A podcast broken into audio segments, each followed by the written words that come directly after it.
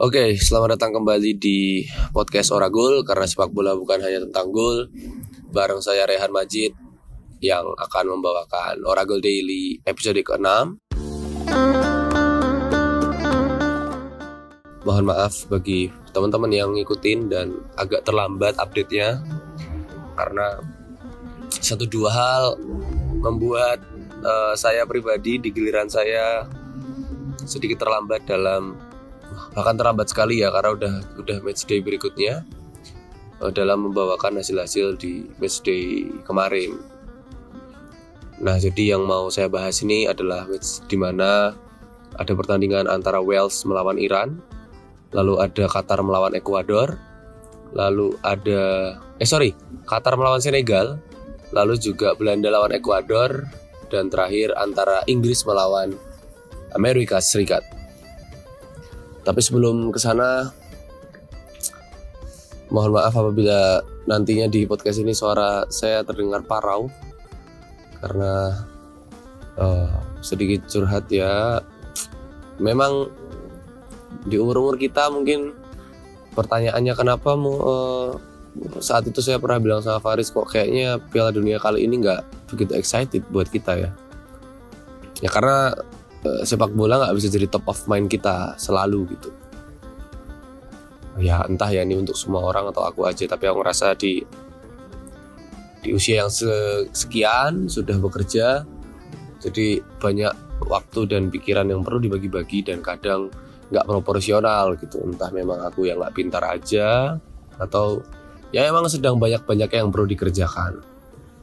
Nah tapi apa pun itu, atas nama komitmen yang saya buat dengan Faris, podcast uh, Oracle Daily episode ke-6 ini tetap digarap dan segera mungkin ditayangkan. Meskipun ya mungkin nanti tayangnya bareng episode ke-7 karena aku yakin Faris udah mulai take soal uh, episode ke-7 gitu. Oke, okay, uh, pertama ada pertandingan uh, Wales lawan Iran ya. Ini jadi pertandingan yang menarik karena Iran setelah di pertandingan pertama dibantai habis oleh eh, Inggris dengan skor 6-2 di pertandingan selanjutnya justru mampu menekuk. Menekuk ya. Bahasa yang lama nggak saya dengar tapi coba saya populerkan lagi. Menekuk Wales dengan skor 2-0 dan dua gol ini terasa spesial karena hadir di penghujung babak ya di tambahan waktu Dua gol dari Iran mampu membobol gawang Wales yang sudah tidak dikawal oleh kiper utamanya saat itu yaitu Wayne Hennessy karena di saat uh, pertandingan itu kiper Wales yaitu Wayne Hennessy mendapatkan kartu merah uh, karena dia ada kontak ya tabrakan dengan strikernya Iran yaitu Mehdi Taremi. Cukup fatal tabrakannya, Taremi langsung tergeletak di lapangan dan straight kartu merah untuk uh, Wayne Hennessy. Dan ini menjadi kartu merah pertama yang dikeluarkan oleh wasit di gelaran Piala Dunia Qatar 2022. Hasil ini penting buat Wales ya, eh buat Wales, buat Iran. Karena ya membuka asa Iran untuk tetap bisa lolos ke babak selanjutnya. Sedangkan Wales harus berhati-hati setelah di pertandingan pertama main imbang. Dan sekarang dia kalah jadi poinnya satu dan Gareth Bale CS harus segera revive karena dia selanjutnya akan bertemu dengan Inggris tentu saja. Dan itu mungkin nggak akan menjadi pertandingan yang mudah karena Inggris juga sedang dalam performa yang cukup bagus kalau dilihat dari pertandingan pertamanya gitu ya. Ya intinya saya cukup senang sih karena tim-tim Asia di Piala Dunia kali ini terasa greget mainnya ya itu jadi warna baru dan cara pandang baru kita melihat sepak bola ya. Aku kemarin sempat nge-tweet bahwa ya sepak bola nggak hanya lagi soal Eropa atau Amerika Latin, tapi negara-negara Asia perlahan-lahan telah membangun reputasinya juga dan membangun keseriusannya di bidang sepak bola. Jadi congrats buat Iran, semoga terus bisa melaju dan uh, semoga juga urusan dalam negeri Iran bisa cepat selesai karena di sana sedang terjadi gejolak yang membuat uh, banyak fans Iran terbelah antara yang mendukung dan tidak karena alasan-alasan politik di balik itu. Lalu kemudian ada pertandingan antara Qatar melawan Senegal yang berhasil dimenangkan oleh Senegal dengan skor 1-3 Jadi tuan rumah lagi-lagi harus kalah di depan uh, publiknya sendiri dengan skor 3-1 dari Senegal dan ini membuat Qatar menjadi tim pertama yang dipastikan tidak akan lolos ke babak selanjutnya. Agak miris ya. Uh, Qatar jadi satu-satunya tim Asia yang rasa-rasanya kurang greget dan begitu-begitu aja mainnya.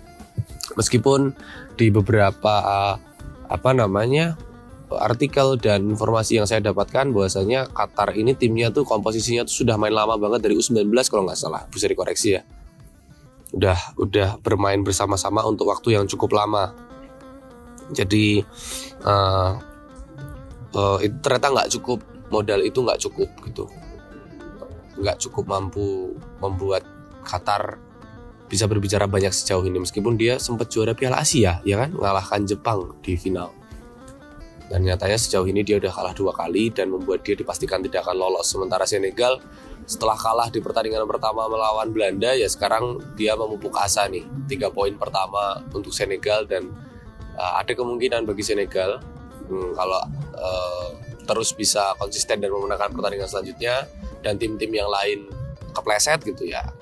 Senegal bisa lolos. Congrats buat uh, Senegal dan apa ya sejauh ini aku melihat kehilangan Sadio Mane belum terlalu jadi sesuatu yang memberatkan Senegal ya dari sudut pandangku.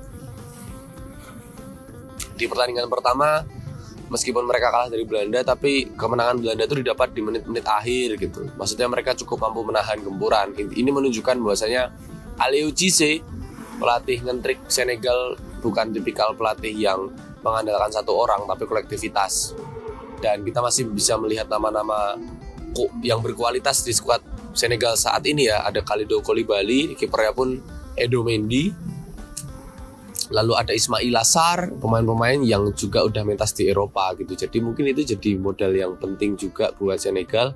Dan melepas ketergantungannya akan satu orang terkhusus Sadio Mane dari Bambali. Oke selanjutnya ada Belanda versus Ekuador yang berhasil apa namanya menyuguhkan kita pertandingan jual beli serangan tapi harus berakhir imbang satu sama. Gol Belanda lagi-lagi dicetak oleh Cody Gakpo, seorang pemain, seorang striker yang moncer bersama PSV Eindhoven musim ini dan sejauh ini menjadi apa namanya ya saya pikir pilihan yang bagus dari Louis van Gaal untuk menempatkan dia di posisi penyerang gitu ya karena di dua laga terakhir Belanda di Piala Dunia dia selalu nyekor gitu. Sedangkan dari Ekuador, gol dicetak oleh Ender Valencia, sang kapten yang bermain untuk Vanderbah. Iya, Vanderbah ya. Dan uh, sekedar trivia, 6 gol terakhir yang di apa yang dibuat oleh timnas Ekuador selalu dicetak oleh sang kapten ya Ender Valencia. Lagi on form sekali, on fire dan ya ini jadi pertanyaan. Eh, sebetulnya apa namanya apabila nanti Ekuador tanpa Enter Valencia bagaimana meskipun itu juga bisa dipatahkan ya gol Valencia nggak hadir begitu aja tapi juga buah dari uh, pressing dan pengembangan permainan yang baik juga dari Ekuador gitu. Jadi ya setelah mengalahkan tuan rumah dia menahan imbang salah satu tim kuat di grupnya ya yaitu Belanda. Sekarang dia mengantongi 4 poin dan punya poin yang sama sama Belanda sekarang gitu. Oke mantap. Ekuador.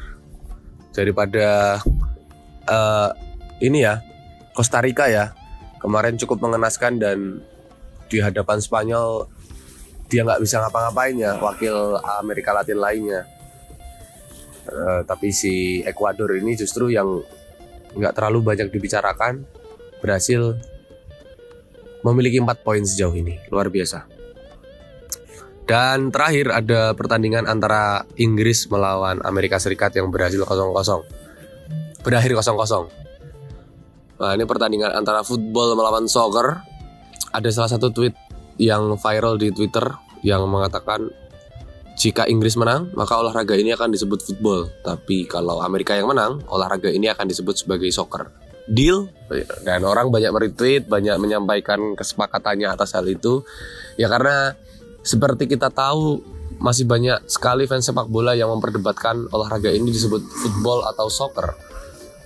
Uh, Amerika Serikat dianggap sebagai salah satu negara yang getol menggunakan nama soccer gitu ya, US soccer gitu, soccer team. Sedangkan di Inggris football gitu. Ya, football FA Football Association gitu kan. Mereka sangat football sekali. Jadi itu jadi hal yang menarik uh, jadi bumbu pertandingan yang menarik antara Amerika Serikat melawan Inggris gitu dan ya Phil Foden juga kemarin tampil cukup mengecewakan ya. Dia tidak membuat peluang sama sekali dan membuat uh, pertandingan tersebut ya kosong-kosong. Nggak ada momen-momen yang krusial atau menarik buatku saat itu. Tapi aku justru menyoroti di luar pertandingannya orang-orang berdebat antara football dan soccer. Ya tapi sejauh ini itu mungkin nggak bisa dipastikan ya karena hasilnya 0-0 dan Inggris eh, selama bertanding melawan Amerika sudah pernah tiga kali bermain lawan Amerika belum pernah menang. Dua kali imbang dan satu kali kalah. Dan ini menunjukkan football belum punya rekor yang bagus ketika melawan soccer. Jadi bapaknya sepak bola seperti Inggris klaim ya seperti itu masih belum mampu menyaingi ya negara yang klaim ini bukan football tapi soccer gitu ya. Jadi ya that's it that's all uh, review dari saya. Sorry kalau terkesan terburu-buru dan singkat-singkat ini baru banget keluar dari kantor gitu. Ag agak sedikit lembur dan cukup melelahkan baik secara fisik maupun secara secara apa? Secara psikis. Enggak lebay. Ya intinya lo begitulah. Ulasan dari aku next saya janjikan akan mengulas dengan lebih baik dengan lebih bersemangat. Hari ini aja agak telat sorry guys oke? Okay? terima kasih banyak yang sudah mendengarkan. Thank you so much. Sampai berjumpa di Oragol Daily episode berikutnya. Dadah